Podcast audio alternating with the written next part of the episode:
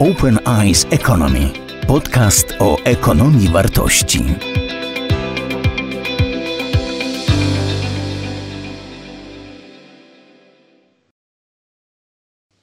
Dzień dobry.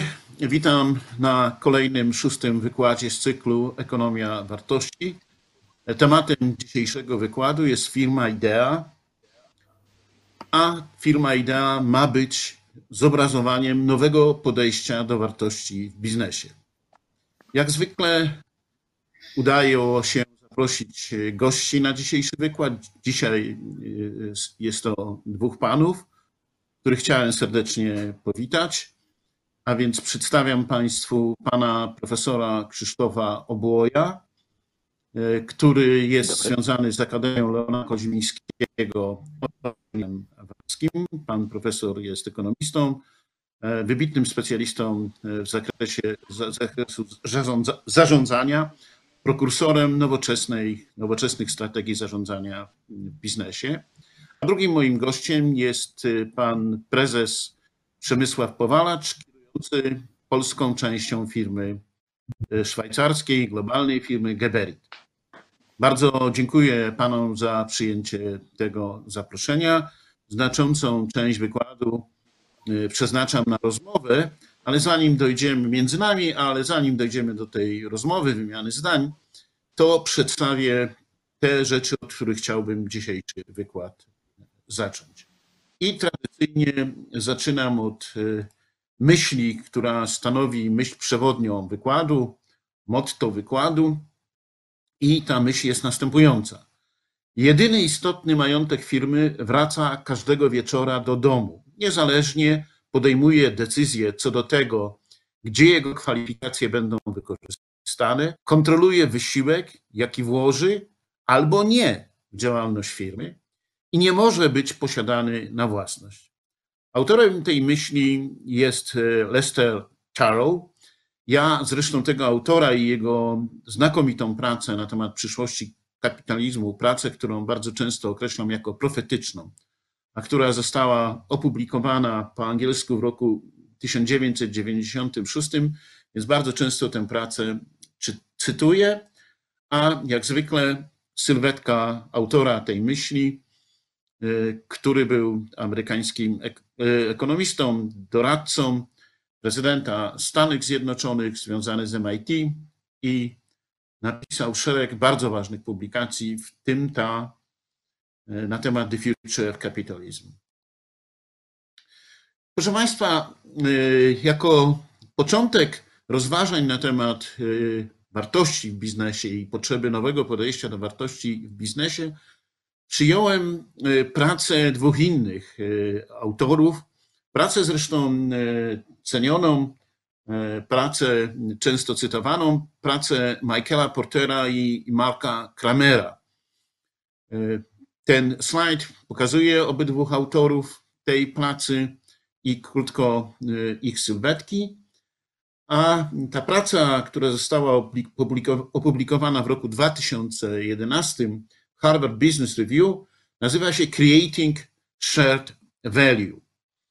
To była bardzo ważna, znacząca e, praca, do której się chcę e, odwołać, ale e, to odwołanie zacznę od bardzo mocnej myśli, którą, myśli, która, tezy, która się w tej pracy znajduje i przedstawię ją. Ona brzmi tak.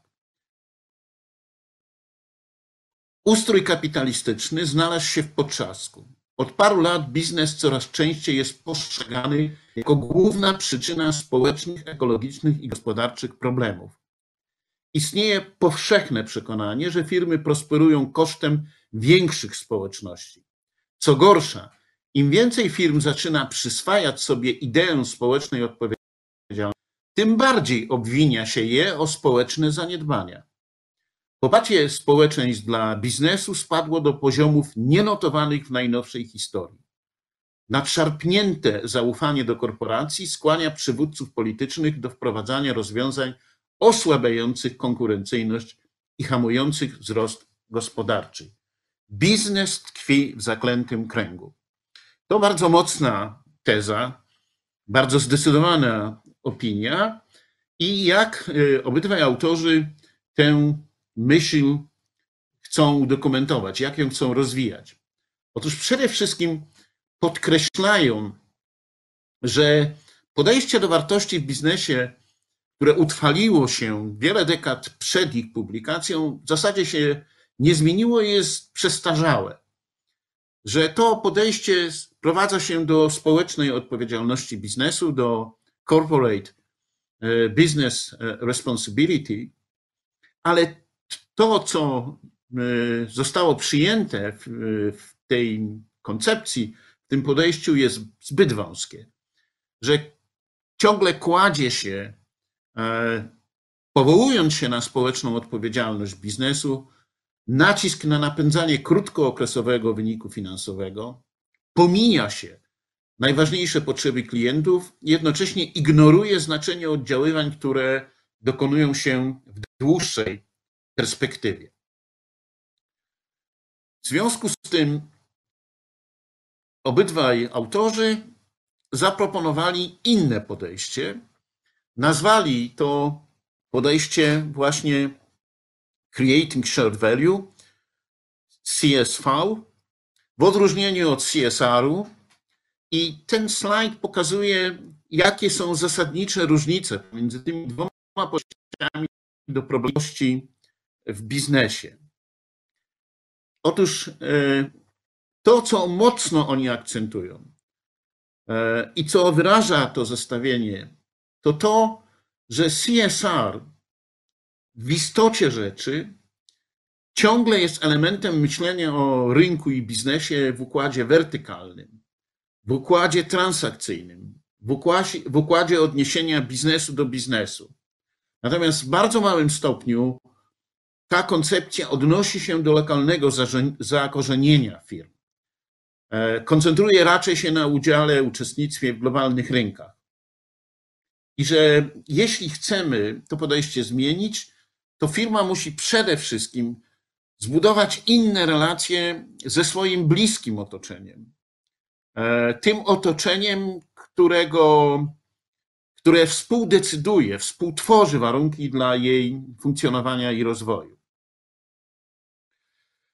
E, chcę e, podkreślić, że Porter i Kramer otworzyli drzwi.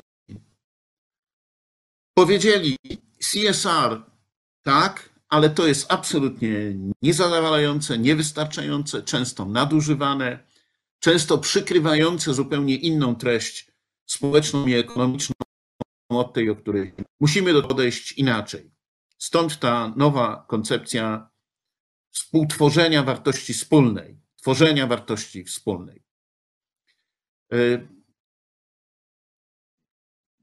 to, że poszukujemy nowego podejścia do wartości w biznesie, do czego bardzo autorzy się przyczynili, nie oznacza, że musimy wyłącznie cytować Portera i Krambera, że jesteśmy skazani na dokonywanie wyboru pomiędzy CSR-em i CSV. E, natomiast e, możemy też szukać własnych koncepcji. Ja przyjąłem taką linię rozumowania, bardzo E, polegając i bazując na Porterze i Kramerze, ale szukając własnej koncepcji. I ta koncepcja, którą zaproponowałem z moim kolegą Mateuszem Zmyślonym, współtwórcą zresztą określenia Open Eyes Economy, to jest koncepcja firmy idei. I teraz chciałbym na kilku slajdach powiedzieć, o co w tej koncepcji chodzi. Otóż e, pojęcie idei powiązane tutaj przez myślnik z firmą oznacza, że chodzi o taką firmę, która potrafi sama kształtować specyficzny dla siebie wartości ekonomicznej, ale jest zdolna także go modyfikować. Jeśli jest do tego zdolna, to znaczy, że potrafi kształtować trajektorię swojego rozwoju. I żeby sformułować tę ideę, czyli de facto określić specyficzny proces wytwarzania wartości ekonomicznej, firma musi przede wszystkim pomyśleć o sensie jej działania. To znaczy, czym się zajmuje, po co jest, a nie tylko o wyniku finansowym, co nie znaczy, że wynik finansowy nie ma znaczenia. Bez osiągnięcia pozytywnego wyniku finansowego, finansowego firma nie mogłaby prowadzić działalność. Ale to, że ona uzyskuje dobry wynik finansowy, jeszcze wcale nie znaczy, że jej działalność jest sensowna, że zaspokaja ważne potrzeby, że wytwarza wartość ekonomiczną rozumianą inaczej niż krótkookresowy zysk, że ma zdolność do rozwoju. To nie wystarcza. A więc czym jest idea firmy? Jak należy ją rozumieć? To jest w istocie rzeczy swego rodzaju design thinking, czyli proces świadomego zaprojektowania firmy i jej drogi rozwojowej, jej trajektorii rozwojowej, ale nie odniesiony do produktu, lecz odniesiony do firmy jako do podmiotu, jako do kogoś, kto potrafi określać relacje z innymi i drogę swojego, ścieżkę swojego rozwoju. I jeśli się tak chce postępować, to bardzo ważne jest świadome kształtowanie relacji z różnymi interesariuszami firmy, z klientami, partnerami biznesowymi, ale także z tym otoczeniem, o którym mówili Porter i Kramer. Czyli chodzi o to, żeby tworząc relacje ze swoim otoczeniem i różnymi aktorami w tym otoczeniu, w istocie rzeczy odkrywać to, co dla firmy jest najważniejsze. Odkrywać sens jej istnienia i sposób potwierdzania tego sensu. A jeśli tak, to firmę trzeba rozumieć również jako przestrzeń społeczno-poznawczą, bo ta firma musi stale się stawać, a więc stale jakby odświeżać swoją ideę, stale rozważać drogę dalszego swojego rozwoju, a zarazem jej relacji z innymi partnerami, aktorami. Tworzenie tych relacji społeczno-komunikacyjnych, biznesowych, transakcyjnych, ale nie tylko transakcyjnych, wymaga odpowiedzi na pytania nie tylko o to, jak mamy działać, ale czemu ma to służyć, a więc odpowiedzi, które są w innej sferze niż sfera operacyjna, w sferze akcjonormatywnej, w sferze wartości i norm. A w związku z tym to spojrzenie powoduje, że nie możemy na firmę patrzeć jak na matrycę. Nie możemy jej zamknąć w excelowskim arkuszu. Nie możemy jej zrozumieć jako urządzenia, którym się steruje tak, jak steruje się jakimś obiektem, maszyną. To nie jest tylko węzeł kontraktów. Firma musi być rozumiana więc także jako instytucja, i jako organizacja, i jako instytucja. W istocie rzeczy firma, żeby była generatorem wartości ekonomicznej, musi umieć pogodzić dwa porządki jeden porządek, o którym najczęściej mówimy w teorii zarządzania. Ten porządek sprawnościowy, funkcjonalno-operacyjny, od którego zależy wynik, efektywność działania firmy. Ale jednocześnie ten drugi porządek, ten porządek aksjonormatywny, od którego zależy wybór drogi rozwojowej, od którego zależy dokonywanie istotnych wyborów, czym się kierujemy wybierając strategię. Bo nie możemy się kierować tylko tym, co się dzieje teraz. To, jak słabe jest takie myślenie tu i teraz, myślenie wyłącznie krótkookresowe, operacyjne i funkcjonalne, to dobrze widać wtedy, kiedy pojawiają się szoki, zakłócenia w naszym otoczeniu, kiedy zasadniczo zmienia się nasze rynkowe otoczenie, czy też społeczne otoczenie. E, sytuacja, pandemia, no, którą przeżywamy i w której próbujemy znaleźć e, własne odniesienia i przemyśliwamy, jak je wnioski z tego wyciągnąć, jak w przyszłości się dostosować do nowej sytuacji, to jest właśnie tego rodzaju wyzwanie, któremu firma jest w stanie sprostać tylko wtedy, kiedy ma swoją ideę, jest instytucją, kiedy działa w niej rzeczywiście pewien porządek sensu, ładu, wartości, a nie tylko e, ten porządek sprawnościowy, e, którego absolutnie nie lekceważę. Bo zrozumienie tej koncepcji polega na tym, że te dwa porządki muszą do siebie przystawać, muszą się przenikać. i nie da się tego ułożyć według jakiegoś z góry założonego wzorca. Każda firma musi na swój sposób to odkryć. I teraz, jeśli ta koncepcja ma sens, to też nawiązując do poprzedniego wykładu, w którym mówiłem o tym modelu gospodarki rynkowej, który toczy się oportunistyczna gra, którym gospodarka jest przede wszystkim transakcyjna i zorientowana na krótki okres i przede wszystkim na krótkookresowy wynik finansowy. Jeśli to połączyć, no to możemy podzielić firmy na firmy oportunistyczne i firmy relacyjne. Przyglądnijmy się tym firmom oportunistycznym. Co je wyróżnia? No to, że one są zdolne do szybkiego dostosowywania się do zmieniającego się otoczenia. Są niewątpliwie budowane na formule daleko idącej elastyczności po to, by każdą szansę i możliwość wykorzystują. A więc są sprawne w wykorzystywaniu nadarzających się rynkowych okazji. Tracą jednak zdolność do samodzielnego przekształcania się i wyznaczania trajektorii swojego rozwoju, bo one głównie polują za okazjami. Nastawiają się na elastyczne wykorzystanie tego, co rynek przynosi. Rynek, który znają, rynek, który w ich założeniu jest już ułożony i zasadniczo się zmieniać nie musi.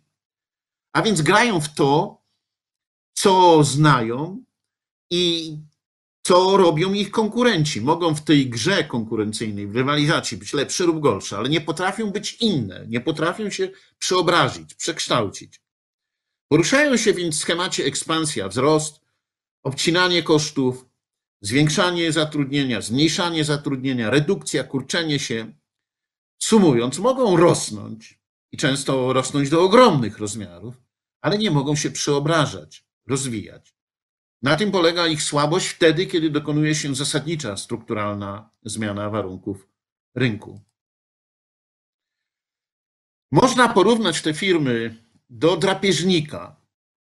Taki drapieżnik potrafi skutecznie walczyć o przetrwanie, nawet w bardzo niebezpiecznym środowisku. Ale jeśli środowisko ulega zasadniczej zmianie i wyczerpują się jego dotychczasowe zasoby, drapieżnik ginie, dlatego że nigdy drapieżnik nie martwi się o kształtowanie swojego środowiska i wytwarzanie zasobów. Przechwytuje je, zawłaszcza je w przekonaniu, że tak było, tak jest i tak będzie. Nie muszę się o to martwić, to nie moja sprawa. Gram, bo wygrywam. Tak długo jak e, wygrywam, wszystko jest w porządku. Na drugim biegunie są te firmy, które określam jako relacyjne, właśnie te firmy, które mają swoją ideę, są firmami ideami. I o tych firmach dla przeciwieństwa można powiedzieć, że koncentrują się na wytwarzaniu i współwytwarzaniu zasobów. Czyli martwią się o to, troszczą się o to, dbają o to, żeby ich proces gospodarowania był podtrzymywalny. Dzięki temu mogą się przekształcać i rozwijać. Oczywiście one są zagrożone przez drapieżnych konkurentów. Firma relacyjna w związku z tym nie, często nie jest w stanie przetrwać w środowisku drapieżników, w środowisku takiej bardzo zdecydowanej, wręcz morderczej e, konkurencji.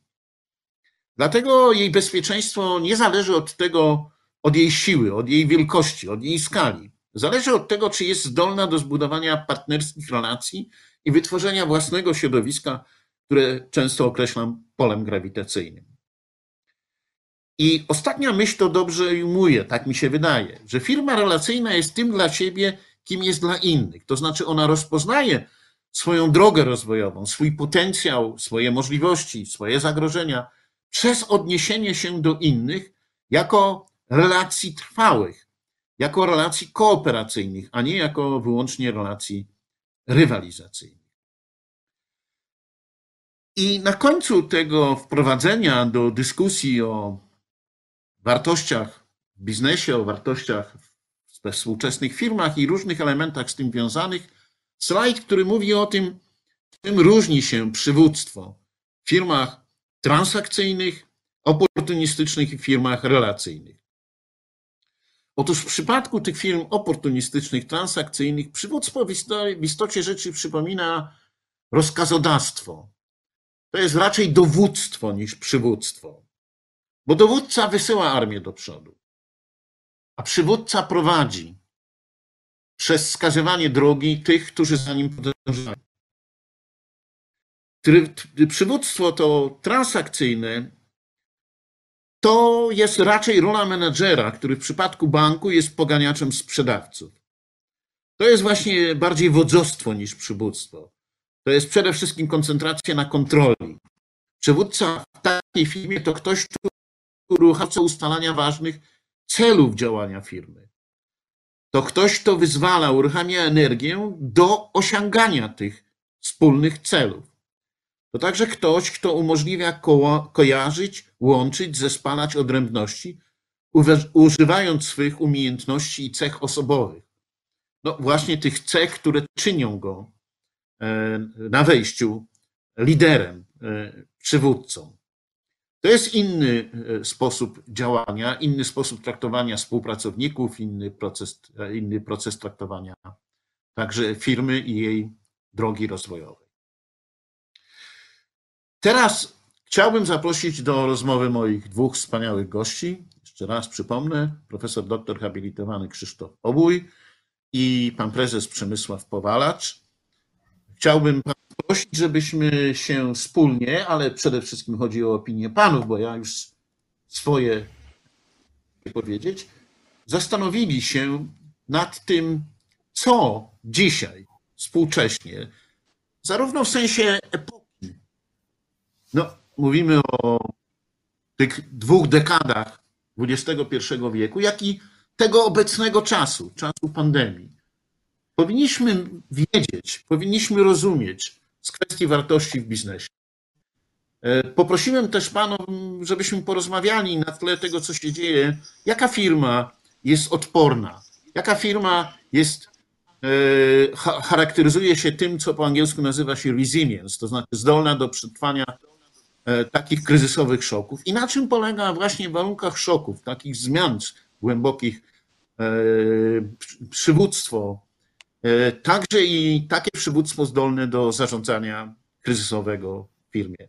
Panowie macie pod tym względem ogromny dorobek i doświadczenie i bardzo proszę o panów opinię.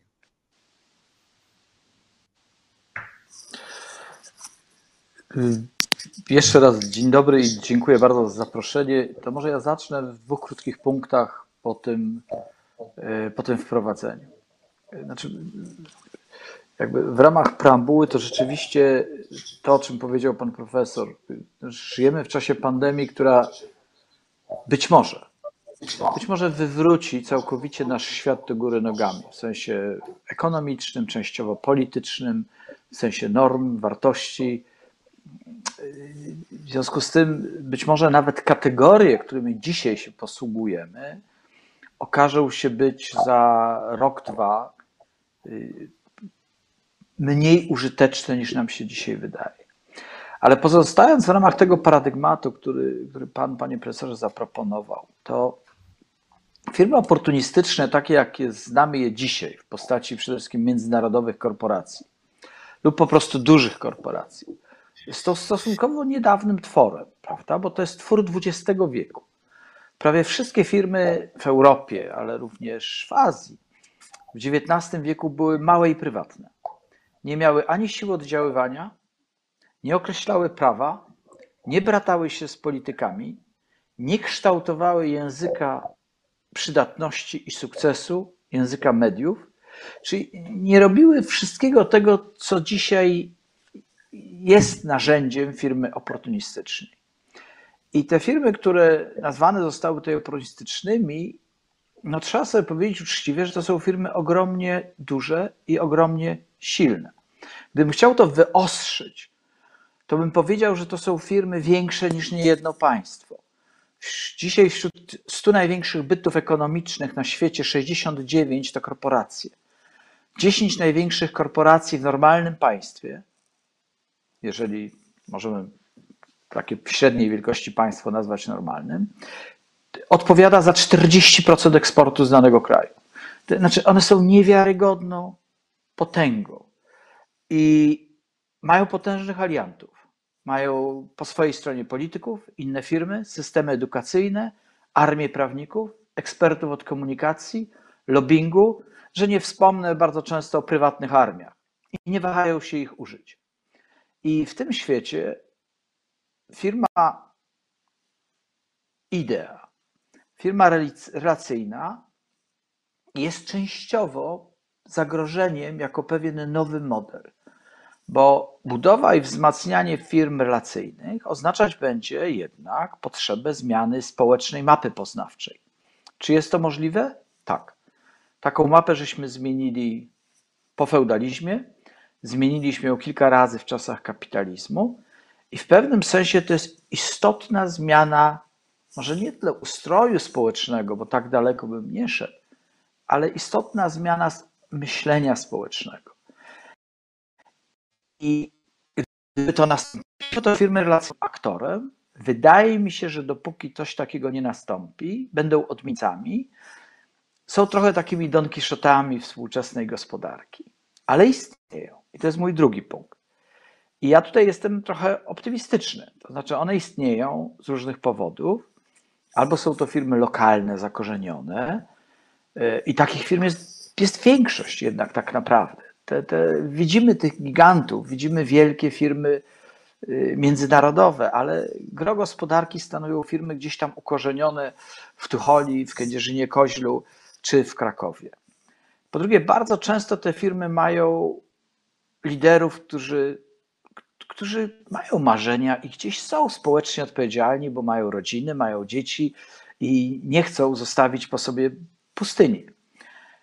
A problemem, i chciałbym w pewien sposób przekorny obrócić myślenie, które tu było zaprezentowane, i problem polega na tym, że my im nie pomagamy jako konsumenci i społeczeństwo. I widzimy to na co dzień, obok nas. Ludzie popierają faszyzmy, popierają rządy autorytarne, są dosyć obojętni na dewiacyjne i amoralne czasami operacje wielkich korporacji i strasznie lubią kupować coś tanio. Tak zwyczajnie i po prostu. I w pewnym sensie konsument odpowiedzialny powinien sobie powiedzieć, członek społeczeństwa, że nie może kupować tanio, bo to się musi odbyć kosztem społecznym, kosztem środowiska i, i wszystkiego. I w tym sensie chciałbym powiedzieć, że i skończyć na tym, że Amerykanie mają takie powiedzenie brzydkie: assholes always win. Sukinsyny zawsze wygrywają. W polityce, w gospodarce i w życiu. Ale oni wygrywają tylko wtedy, jeżeli my im będziemy pomagać. I w tym sensie ta zmiana mapy społecznej jest bardzo potrzebna nie tyle zmiana modelu zachowania korporacyjnego, tylko zmiana zachowania społeczeństwa i wtedy korporacje się do tego dostosowują. Spróbuję się odnieść być może mm, do przede wszystkim, o czym była mowa mm, w pierwszej kolejności w, w części wykładu profesora Hausnera. E, wydaje mi się, że z mojej perspektywy mm, niezbędność istnienia wartości, pewnego fundamentu aktywnego w funkcjonowaniu firm jest y, zupełnie bezdyskusyjna. E, I dotyczy to zarówno y, małych podmiotów, małych rodzin, o których wspomniał profesor Obój, y, jak i tych dużych organizmów, często bardzo dużych korporacji. Ja zresztą do tej różnicy jeszcze się króciutko odniosę. Wątpliwie w szczególności na to, jak kształtują się te zachowania społeczne, zachowania wspólnotowe, szczególnie tych, którzy wchodzą w tej chwili na rynek pracy, najmłodszych pokoleń, ich zapotrzebowanie, przynajmniej w oparciu o moje doświadczenie, już publikacje i badania, które udaje mi się śledzić, ewidentnie ich zapotrzebowanie na coraz większą sensowność, rozumianą jako pewien utylitaryzm społeczny tego, co robią ich pracodawcy, zdecydowanie rośnie. To w sposób automatyczny wymusza takie zachowania firm, e, które e, prowadzą do większej orientacji na środowisko zewnętrzne, na budowę ekosystemu, na zapewnienie no jakiejś, rzekłbym w pewnym uproszczeniu, takiej szczęśliwości, to może nie najlepsze słowo, ale, ale szczęśliwości rozumianej jako pewien poziom zadowolenia zarówno samych pracowników, jak i ich rodzin, bliskich, jak i społeczności lokalnych. E, ale tutaj trzeba mm, pamiętać o tym, że mm, tego typu e, zjawiska tworzą się w bardzo długich okresach czasu. I jak mm, spojrzymy na wspaniałe strofy mm, etyki nikomachejskiej Arystotelesa choćby, e, który pisze o tym, że szczęście jest nagrodą cnoty, a cnota tworzy się w, jako wynik nawyku, to musimy pamiętać, że dopóki zresztą po części powiedział o tym profesor Obój, nie powstanie e, e, pewien naturalny pęd i skłonność liderów, ale nie tylko zarządzających, ale również tych, którzy dysponują kapitałem, tak naprawdę tych, co zatrudniają.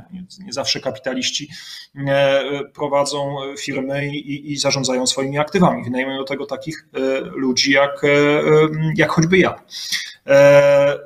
Tak długo pewne będą mimo wszystko zachowaniami trochę tworzonymi na potrzeby doraźnego budowania choćby swojego publicity, na potrzeby dorawania wartości firmy. Nie, nie ulega wątpliwości, że wiele zachowań, również tych, które stanowią element e, takiego pójścia w stronę e, tworzenia ekosystemów e, po stronie firm, czy coraz większego angażowania się na przykład w zrównoważone raportowanie, to jest wymóg jednak pewnej presji również rynków finansowych, również środowisk inwestorskich i na ile ma to rzeczywiście związek z pewnym fundamentem aksjologicznym organizacji, czy założycieli, ojców założycieli, czy tych, którzy tą organizacją zarządzają, mm, e, to, to, to pewnie jest trudne do stwierdzenia. Ja przynajmniej nie dysponuję wynikami takich badań, które jakąkolwiek kwantyfikację mogłyby tutaj podjąć.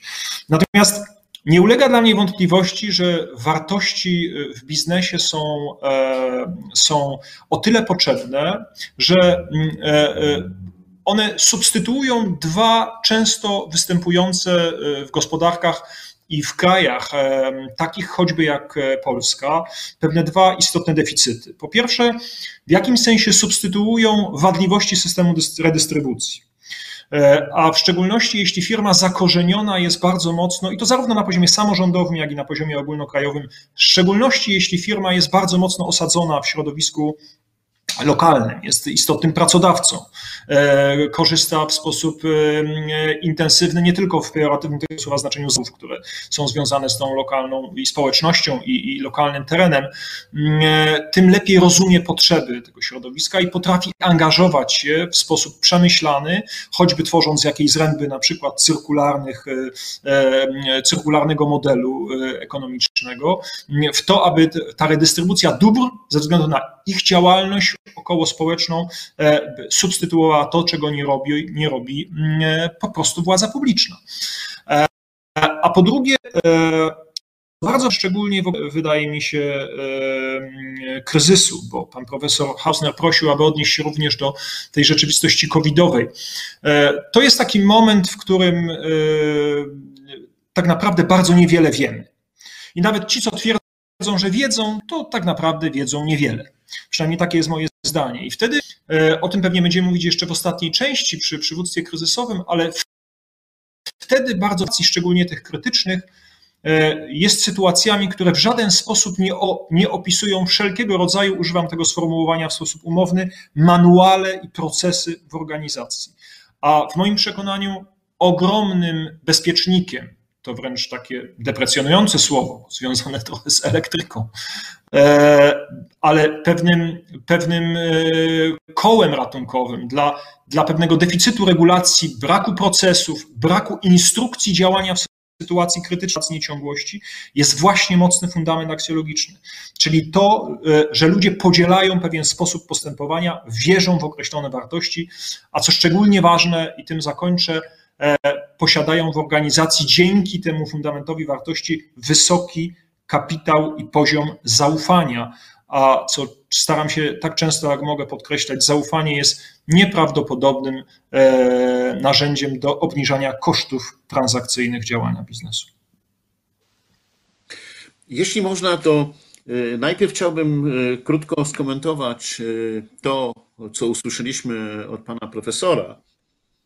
I przypomniałem się, ja zresztą w książce która stanowiła podstawę dla przygotowania wykładów. Ja to przywołuję, nie pamiętam w tej chwili tych liczb, ale y, przywołuję taką analizę, która mówi o długości okresów trwania firm kiedyś, w okresie jeszcze gospodarki przemysłowej i później już w okresie gospodarki poprzemysłowej, która zmierzała do cyfrowej.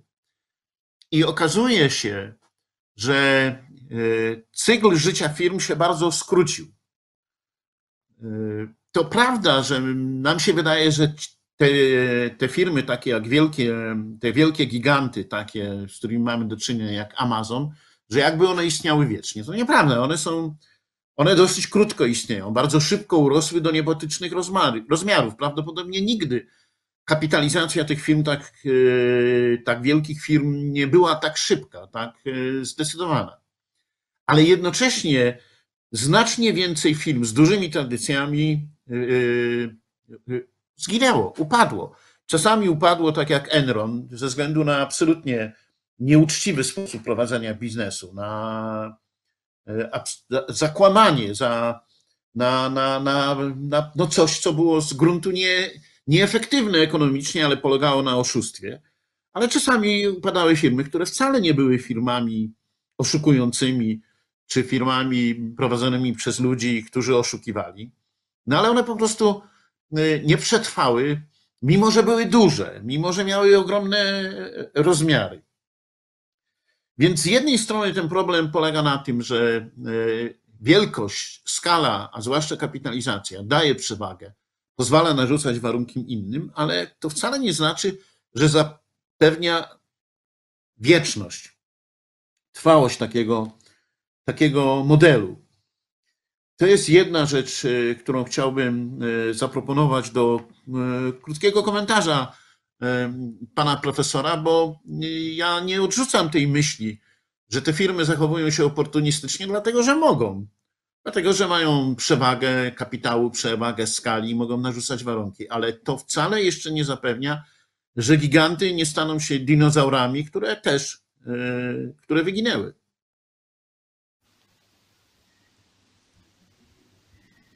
Och, absolutnie się zgadzam. Tylko słowo tylko jak zwykle sugeruje, że będzie jakieś zastrzeżenie. Mianowicie te małe umierają szybciej.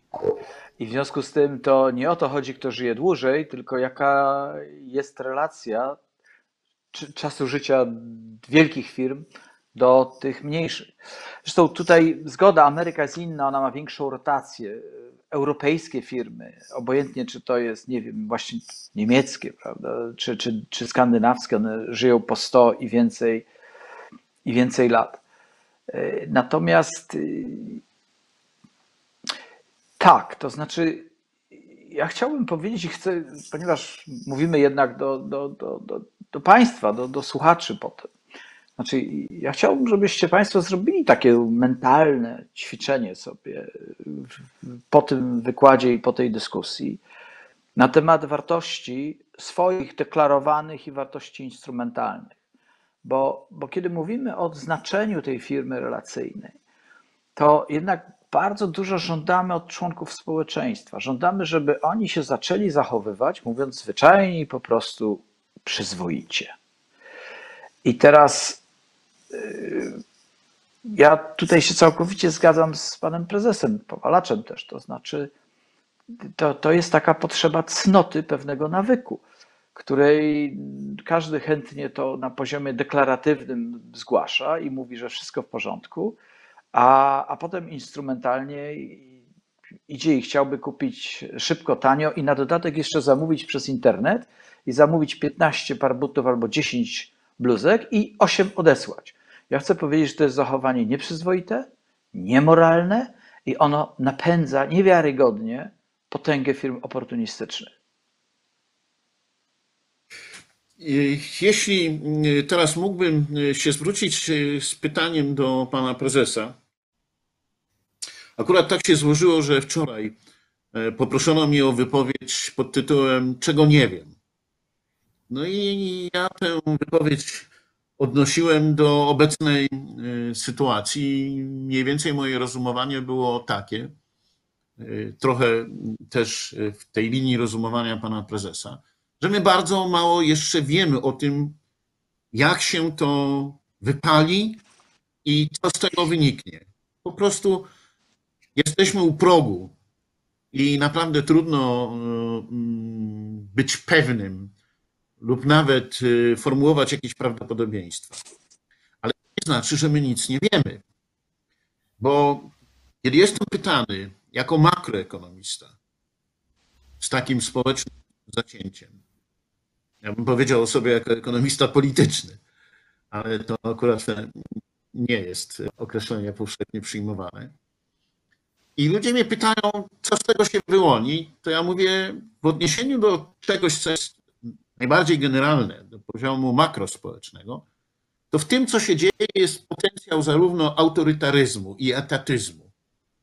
Potencjał rozwiązania dyktatorskiego i etatystycznego, który będzie polegał na zaoferowaniu oddajcie wolność, dostaniecie bezpieczeństwo. I jest potencjał zupełnie czegoś odmiennego. Potencjał pójścia w kierunku samozaradności, samopomocy, budowania więzi społecznych, opierania się nie na tym, co jest gdzieś na poziomie centralnym, lecz opierania się na tym, co jest w naszym otoczeniu. Polegania na zaufaniu, poleganie na partnerstwie, na empatii, na bliskości. I tu ja widzę ten potencjał. Nie wiem, codziennie zajmuję się opisywaniem jakichś problemów, na przykład społecznej. I wyraźnie widać, że jeśli chcemy zająć się, to nie jest przedmiotem naszej rozmowy, problemem pomocy społecznej dzisiaj, to ta pomoc społeczna, jeśli nie będzie udzielana tu możliwie nisko, najniżej, tych, którzy dzisiaj są bezradni i bezbronni, to nie da się inaczej udzielić. Nie ma innej możliwości. Ale jeśli się jej udzieli, to oczywiście to będzie budowało trochę inny świat.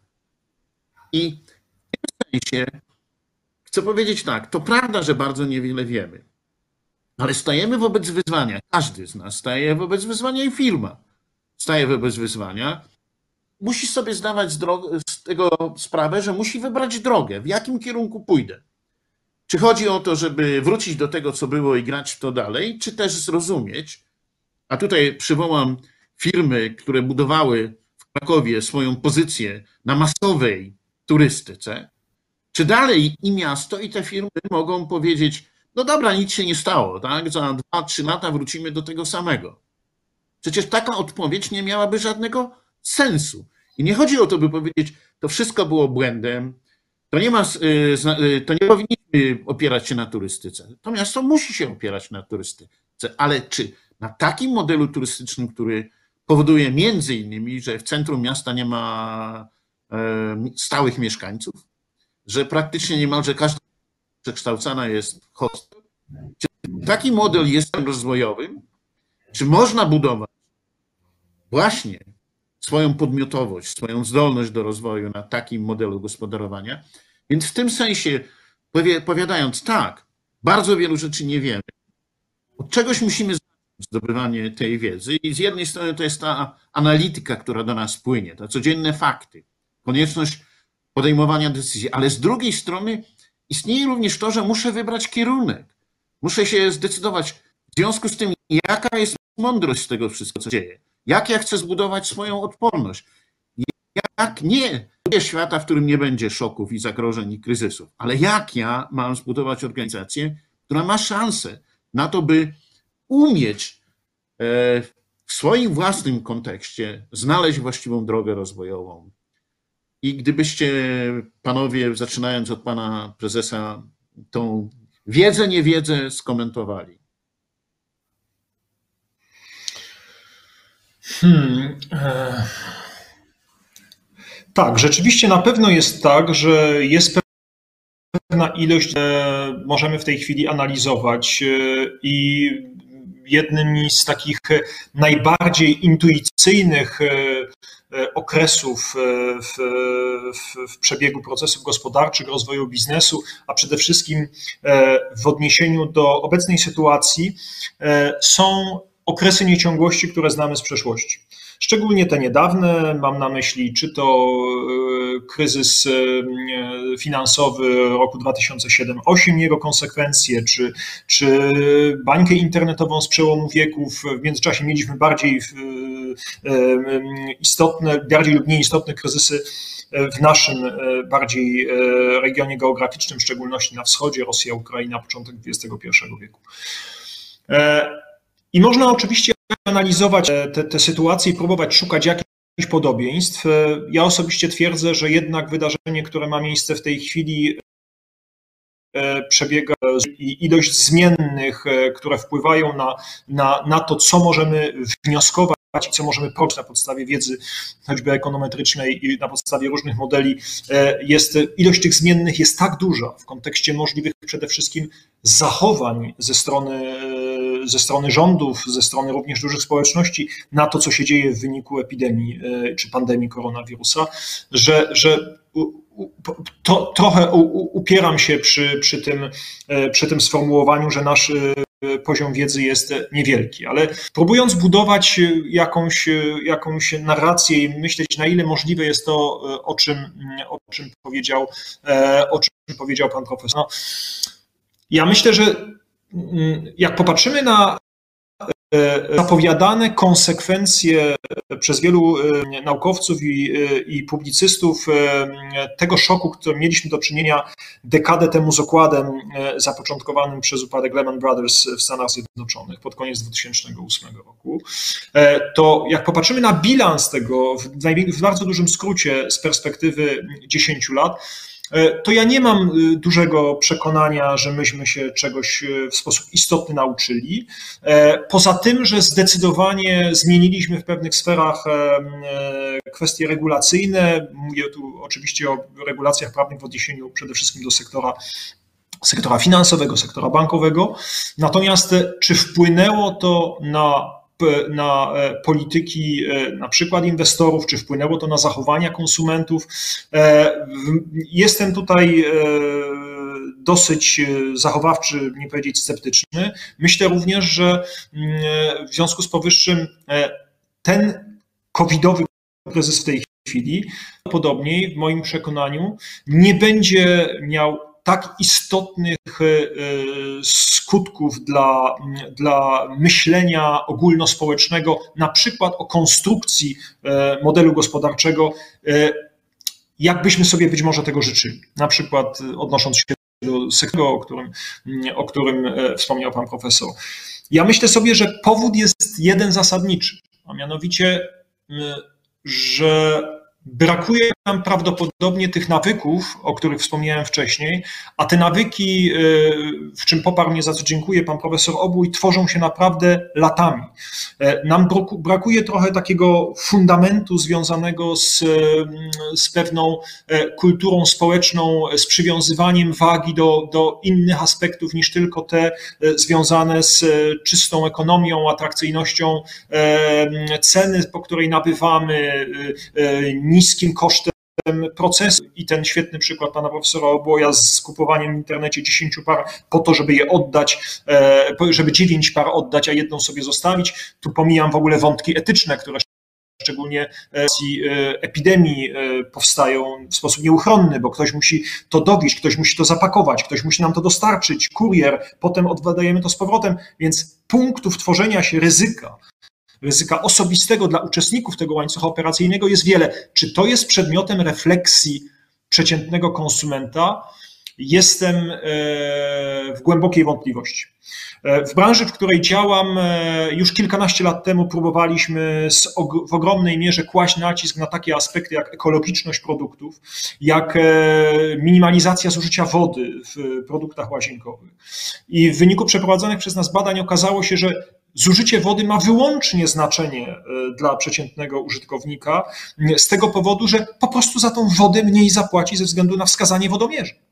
A nie dlatego, że planeta będzie przez to szczęśliwsza i że będziemy w stanie e, mądrzej gospodarować jej zasobami. Ja mówię o poziomie e, percepcji przeciętnego, przeciętnego konsumenta. W związku z powyższym mm, myślę sobie, że przechodząc może trochę do, do tej odporności, o której wspomniał pan profesor, e, myślę, że e, odporność wciąż będzie odbywał w oparciu o bardzo twardą literę pewnych parametrów, z których pewnym tercetem jazdy obowiązkowej są zapewne istotne pokłady płynnych aktywów, po pierwsze, po drugie, do tego, żeby te koszty stałe obniżyć w sytuacji e, kryzysu i bardzo ograniczonego popytu, a po trzecie własność intelektualna, e, która jest rozumiana bardzo szeroko ze względu na posiadane patenty, e, rozwiązania technologiczne, unikatowe, tworzące wartość konkurencyjną, jak i, jak i inne elementy tej, tej, tej własności intelektualnej. To jest ten twardy wymiar, można by powiedzieć bilansowy. Natomiast ja jestem bardzo mocnym zwolennikiem tego, aby większą atencję e, z każdym kolejnym rokiem e, i każdym kolejnym okresem, kiedy analizujemy rozwój biznesu nie tylko w Polsce, przywiązywać do tego nurtu miękkiego. Dla mnie tym nurtem miękkim budowania tego swoistego resilience, o, o czym e, wspomniał pan profesor Hausner, czyli tej odporności, zdolności do przetrwania, kultura organizacyjna kultura organizacyjna, która powoduje, że w sytuacjach bardzo dużych turbulencji i, i, często niekontrolowanych negatywnych czynników płynących z rynku, tych, które skutkują po prostu marnym e, wynikiem e, ekonomicznym firmy w okresie miesiąca, kwartału, roku czy dłużej, i, i który powoduje, że trzeba e, podejmować bardzo e, twarde, często w oparciu o niepełne dane, surowe decyzje. E, jest zespół, e, który, jak zresztą e, twierdził w swojej pozycji przywołanej na początku tego wykładu Lester Tarrow, są jedynym prawdziwym, ludzie są jedynym prawdziwym kapitałem, tym, który wychodzi rzeczywiście po określonej godzinie fabryki e, i nie można mieć na niego do końca wpływu, ale jeśli tworzy ten ekosystem rozumiany jako kultura organizacyjna, pewien zestaw norm, które podzielają wszyscy, no to to jest dla mnie e, ten zalążek czegoś, co było w koncepcji porterowskiej e, i, i, i kramerowskiej tak ważne, a mianowicie te wartości, które podziela społeczność, ale tym zalążkiem, który, od którego musi się zacząć, jest organizacja. I to ona tworzy, ona tworzy ten, ten, ten resilience. Panie profesorze, a pana komentarz? Do odporności. No, tak, więc no i do, ja, do tego, czego tak, nie wiemy, ja a co, i jak wiedzieć. Och, ja chcę powiedzieć, że my bardzo dużo wiemy. To znaczy, my doskonale wiemy, jak powstaje odporność systemu gospodarczego. Są bardzo duże badania, robione na temat zachowań firm i gospodarek w sytuacjach wojny. W ciągu ostatniej dekady mieliśmy na świecie 223 wojny, która to wojna jest definiowana jako przynajmniej jeden z graczy jest państwem i w ciągu roku odbywa się 25 bitew. To znaczy ten świat się morduje, bije i jest w stanie nieustannej wojny i firmy jakoś w tym muszą żyć. No więc ja chciałbym dla naszych słuchaczy powiedzieć, że mam dobre i złe wieści. To znaczy, złe wieści są takie, że podstawowym czynnikiem budującym odporność firm jest system instytucjonalny państwa, a nie same firmy. To, co zrobią menedżerowie, jest wtórne. System instytucjonalny musi być transparentny i sprawny. Rynek pracy, pieniądza, usług i produktów dobrze i jednoznacznie regulowany. Administracja musi być życzliwa, a rozstrzygnięcia prawne szybkie i nieprzypadkowe.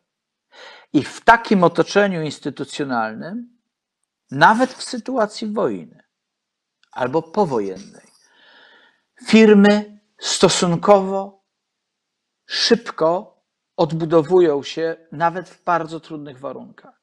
Czyli to jest, znaczy w pewnym sensie, ja chcę powiedzieć, że system immunologiczny firmy jest na zewnątrz jest w systemie instytucjonalnym, która to system instytucjonalny stanowi jedną z podstawowych słabości naszego państwa w aktualnym wydaniu, moim opinii.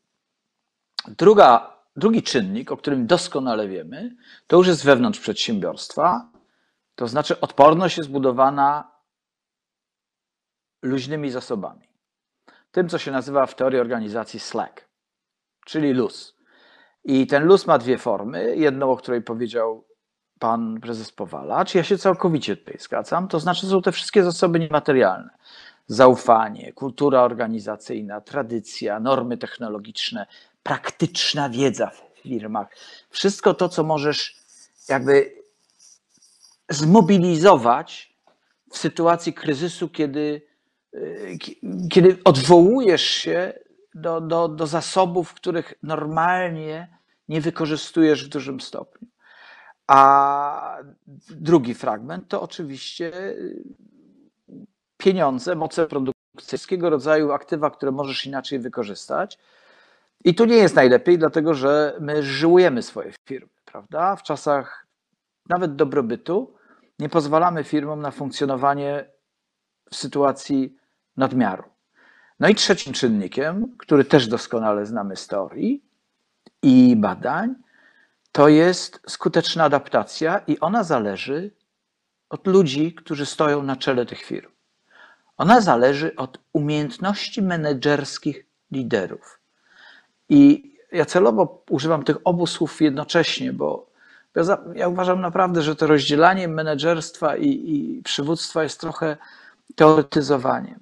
To znaczy, dobry lider musi być bardzo dobrym menedżerem. Znaczy, bez tego on nie będzie liderem. I, i, I to jest pewna umiejętność szachisty. Popatrzenia na 4-5 ruchów do przodu i w danym otoczeniu instytucjonalnym zbudowanie strategii, która pozwoli firmie najpierw przetrwać, a potem się rozwijać. Jak do tego ma się trochę szczęścia, to to jest w porządku. Ale chcę powiedzieć, nie można grać na dwóch frontach. Nie można się jednocześnie bić z pandemią albo z recesją gospodarczą i, i z nietransparentnym, niesprawnym, etatystycznym i kapryśnym systemem instytucjonalnym. I w tym sensie polskie firmy są w znacznie gorszej sytuacji niż albo będą, niż wiele firm w zachodniej Europie. Podobny problem będą miały firmy amerykańskie, moim zdaniem, które to firmy działały w bardzo dobrym systemie instytucjonalnym, natomiast mając na czele narcystycznego i autorytarnego i kapryśnego lidera, który potrafi rozwalać tą całą super sprawną administrację, tam będą. Gospodarka amerykańska może mieć niewyobrażalne zupełnie problemy w nadchodzących latach. Dziękuję. Spróbujmy teraz przejść do tego zagadnienia, które przyjęliśmy do naszej rozmowy, czyli problem zarządzania e, kryzysowego i pan profesor Obu już do tego zaczął nawiązywać, ale ja y, dwie rzeczy do tej dalszej rozmowy chcę podrzucić. Pierwsza to jest y, kwestia reakcji na to zjawisko, które jest y, dzisiaj bardzo mocne, a mianowicie na zrywanie łańcuchów kooperacji.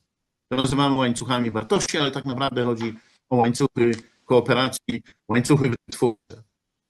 Ponieważ to nie chodzi tylko o to, co się stało z gospodarką chińską, która była fabryką świata, dzięki której mogli produkować relatywnie tanio i efektywnie. Ale chodzi o to także, że w ogóle dzisiaj gospodarki się ze względu na zamykanie granic y, zamykają w naturalny sposób. Dzisiaj, y, jak się popatrzy na, y, w Europie na transport towarowy, no to on jest o kilkadziesiąt procent e, słabszy. Nie dlatego, że są granice i przejezdność jest taka trudna, tylko dlatego, że po prostu te więzi kooperacyjne z różnych powodów zostały pozrywane, one nie działają. I teraz pytanie brzmi, czy konsekwencji radzenia sobie teraz, no bo trzeba sobie z tym jakoś poradzić, jakby odbudowywać to, co można, ale zmieniać to, co trzeba. Czy to zarządzanie kryzysowe będzie polegało tylko na przetrwaniu, czy też na zbudowaniu jednak innego modelu biznesowego, kooperacyjnego? A jeśli to drugie, to tu absolutnie e, podzielając opinię pana profesora Obłaja co do warunków, w których funkcjonują polskie firmy i tego niesprzyjającego otoczenia instytucjonalnego e, e, centrum państwa, to chciałbym zapytać, na ile ważne jest coś, co ja określam jako wyobraźnia strategiczna. Bo jeśli mówimy o ruchu szachisty, chodzi o to, że mm, mistrzem szachów jest ten, e, kto wszystkie ruchy z góry zaprogramuje, ale ten, który wybierając pewną strategię i mając do czynienia z graczem, który też potrafi myśleć do przodu, ma dalej idącą wyobraźnię strategiczną. Czyli potrafi stworzyć takie pole swojego manewru, bez zależności od tego, jakie błędy popełni jego konkurent, umieć to, umie, umieć to wykorzystać. W związku z tym wyobraźnia strategiczna jest czymś więcej niż tylko kwestią ustalenia i przyjęcia paru ruchów do przodu. To jest kwestia umiejętności adaptowania się do nieprzewidywalnych sytuacji. Gdybym mógł panów poprosić o to, jak właśnie w tym kontekście widzieć e, zdolność do zarządzania kryzysowego. To może od pana prezesa byśmy teraz zaczęli. E, ja powiem tak, może troszeczkę, e, żeby sprowokować. Mm, no, jeżeli zgodziliśmy się co do tego, mm, a padło to zarówno w wypowiedziach pana profesora Hausnera w części początkowej wykładu, jak i potem w konstatacji profesora Obłoja co, co do firm małych, e, mniejszych, regionalnych, rodzinnych, którzy e, chcą coś po sobie zostawić i którzy mają bardziej emocjonalne i relacyjne związki ze swoim bliskim otoczeniem, no to musimy podejść do tych tysięcy firm w tej chwili, które w sytuacji kryzysowej, w której, przy czym ja się z kolei upieram, mają wciąż pojęcie, co ich czeka, jaki czeka ich los i na czym mogą budować przyszłe scenariusze, choćby przepływów pieniężnych czy, czy realizowanych przychodów, e, działają w oparciu o trywialne powiedzenie i trywialną maksymę bliższa ciału koszula. I tu dochodzi do tego, co pan profesor Hausner nazywa zrywaniem łańcuchów wartości. Bo te firmy, które reprezentują w wielu krajach e, często Mittelstand, czy wręcz takie elementy tych dolnych warstw Mittelstand, dolnych w zakresie skali działania, e, po prostu zachowują się w sposób e, najbardziej racjonalny o ryzyka. W związku z powyższym, wszędzie tam, gdzie mogą skrócić, e, że tak powiem, sourcing materiałów, surowców, wszędzie tam, gdzie mogą uzyskać korzystniejsze warunki zakupu w zakresie kredytu kupieckiego, wszędzie tam, gdzie mogą e, ograniczyć związane z transportem, e, bo choć granice zamknięte dla towaru są, ale pamiętamy, jak wyglądały po regulacjach dotyczących granic kolejki kilkudziesięciokilometrowe dla ciężarówek stojących na przykład po stronie niemieckiej, czekających na wjazd do Polski. Przedsiębiorcy nie chcą ponosić takiego ryzyka, w związku z powyższym je ograniczają. Cóż, no tutaj y, pozostaje tylko z ogromnym szacunkiem odnieść się do, do pięknej konstatacji w niedawnym wywiadzie y, udzielonym przez naszą noblistkę Olgę Tokarczuk, e, y, która podsumowała e, ten smutek związany z tym, jak szybko wróciliśmy w kontekście choćby e, wszystkich środków zaradczych i środków bezpieczeństwa i środków przy pandemii wymiaru państw narodowych. Nie potrafiliśmy wydyskutować w ramach pewnego konsensusu europejskiego, wspólnotowego, aby regiony te, które czy to w Hiszpanii, czy to we Włoszech, które są w szczególności narażone epidemię, aby były w jakimś sensie izolowane. Nie pokroiliśmy tą naszą piękną Europę od razu po granicach administracyjnych, a przecież żadna dodatkowa infrastruktura w tej chwili, jak wiemy, na granicach nie występuje. Tam, gdzie pamiętamy, mm, że tak powiem, budki kontrolne sprzed lat z okładem, bardzo często nie ma nic, jest to prostu zielony trawnik. W związku z powyższym nie ma tutaj żadnych przesłanek do takiego działania. W związku z powyższym e, myślę sobie, że w pierwszym okresie przynajmniej e, zarządzać tym kryzysem w taki sposób, zostawić e, w sobie taką wyobraźnię strategiczną, jak ją profesor Hausner nazwał, aby nie tylko próbować przeżyć, ale jednocześnie w sposób e, spokojny, w sposób zrównoważony myśleć o tym, jak tworzyć e, pewne elementy wspólnotowe, rozumiane jako wspólnoty procesów, jako pewne wspólnoty gospodarcze, wspólnoty e, firmowe. Oczywiście będą się tworzyć z pewnością różnego rodzaju, jak się tworzyły zawsze, również w okolicach kryzysowych, swoiste alianse. Będzie pewnie więcej aliansów taktycznych, zdecydowanie, aliansów związanych z wykorzystaniem wspólnych zasobów w krótkim krótkim okresie czasu, czy to z aliansów sourcingowych, zaopatrzeniowych niż aliansów e, strategicznych. E, tu bardziej pewnie będziemy mieli do czynienia z jakimiś większymi transakcjami przejęć, kiedy ktoś będzie radził sobie gorzej, a jego na przykład konkurent e, uzna, że, że jest to optymalny moment do tego, żeby, żeby powiększyć swój areał aktywów, udział rynkowy czy, czy posiadane technologie. Natomiast Byłbym dość ostrożny w prognozowaniu, że to zarządzanie kryzysowe będzie takie dwutorowe, a mianowicie z jednej strony te wszystkie ruchy, że powinniśmy e, przeżyć, e, a te, a te posunięcia że tak powiem, w moim elementarzu, to, to przede wszystkim bardzo ostrożne wykonywanie niewielkich kroków e, i wstrzymywanie się z radykalnymi posunięciami e, do momentu, kiedy będziemy mieli więcej informacji, kiedy będziemy budować bazę wiedzy, kupować będziemy trochę czas i poprzez to będziemy w stanie od, odwlekać te najbardziej drastyczne, jeśli będą one konieczne, decyzje do tego, żeby z tym kryzysem sobie radzić. Czy jednocześnie będziemy potrafili sobie wyobrażać wydarzyć w długim terminie. Pewnie część firm tak będzie działać. Sądzę jednak, że nie będzie to domena e, większości, nie będzie to domena większości przedsiębiorstw. Panie profesorze? Bardzo krótko, to znaczy oczywiście, że te łańcuchy kooperacji się pozrywały, ale Chińczycy się bardzo starają je odbudować. Ze strony chińskich przedsiębiorstw jest bardzo dużo dobrej woli. One uruchomiły dostawy do Europy, do Polski. E, one odroczają terminy płatności, bo, bo, bo wiem to z firm, z którymi współpracuję. One przeszły przez tę pandemię, rozumieją, co się dzieje. E, druga rzecz, która będzie się stała, to jest to, o czym właśnie powiedział pan Powalacz, to znaczy będzie przybliżanie dostawców i będzie na pewno dzięki nowoczesnym technologiom, zwłaszcza drukarkom 3D i, i podobnym rzeczom, które się trochę spopularyzują po tym kryzysie, będzie zwiększenie e, samowystarczalności przedsiębiorstw. To jest takie śmieszne. Były takie fale outsourcingu, teraz będzie fala insourcingu pomieszana e, z odbudowaniem tych, tych, tych łańcuchów wartości. Natomiast to wszystko musi być podzielone przez jedną wielką niewiadomą, to znaczy co dalej. To jeżeli i tego absolutnie nie wiemy, tego nikt nie wie. To znaczy McKinsey i każdy ośrodek światowy buduje kolejne scenariusze, prawda?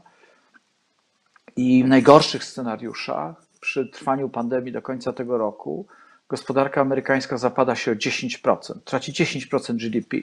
To znaczy to jest coś absolutnie niewiarygodnego i, i będą mieli, nie wiem, 30-40 milionów ludzi y, na bezrobociu. To jest, znaczy to, to jest materiał na, na rewolucję społeczną, prawda? I w tym sensie mi na przykład nie starcza wyobraźni, absolutnie, ani tej strategicznej, ani tej taktycznej, żeby odpowiedzieć sobie na pytanie, jakie, jak, jak grać. W związku z tym myślę, że biznes będzie grał tak, jak umie. To znaczy, będzie grał wariant botwinnika w szachach, to znaczy defensywną grę cięcia kosztów i ograniczania działalności, skracania łańcuchów wartości, czekając na to, jak będzie się rozwijała sytuacja. I, chyba nic innego w tej chwili nie można specjalnie zrobić. Dziękuję panom w tej, za tę część e, e, wykładu. Oczywiście wrócę do panów prosząc o taki końcowy komentarz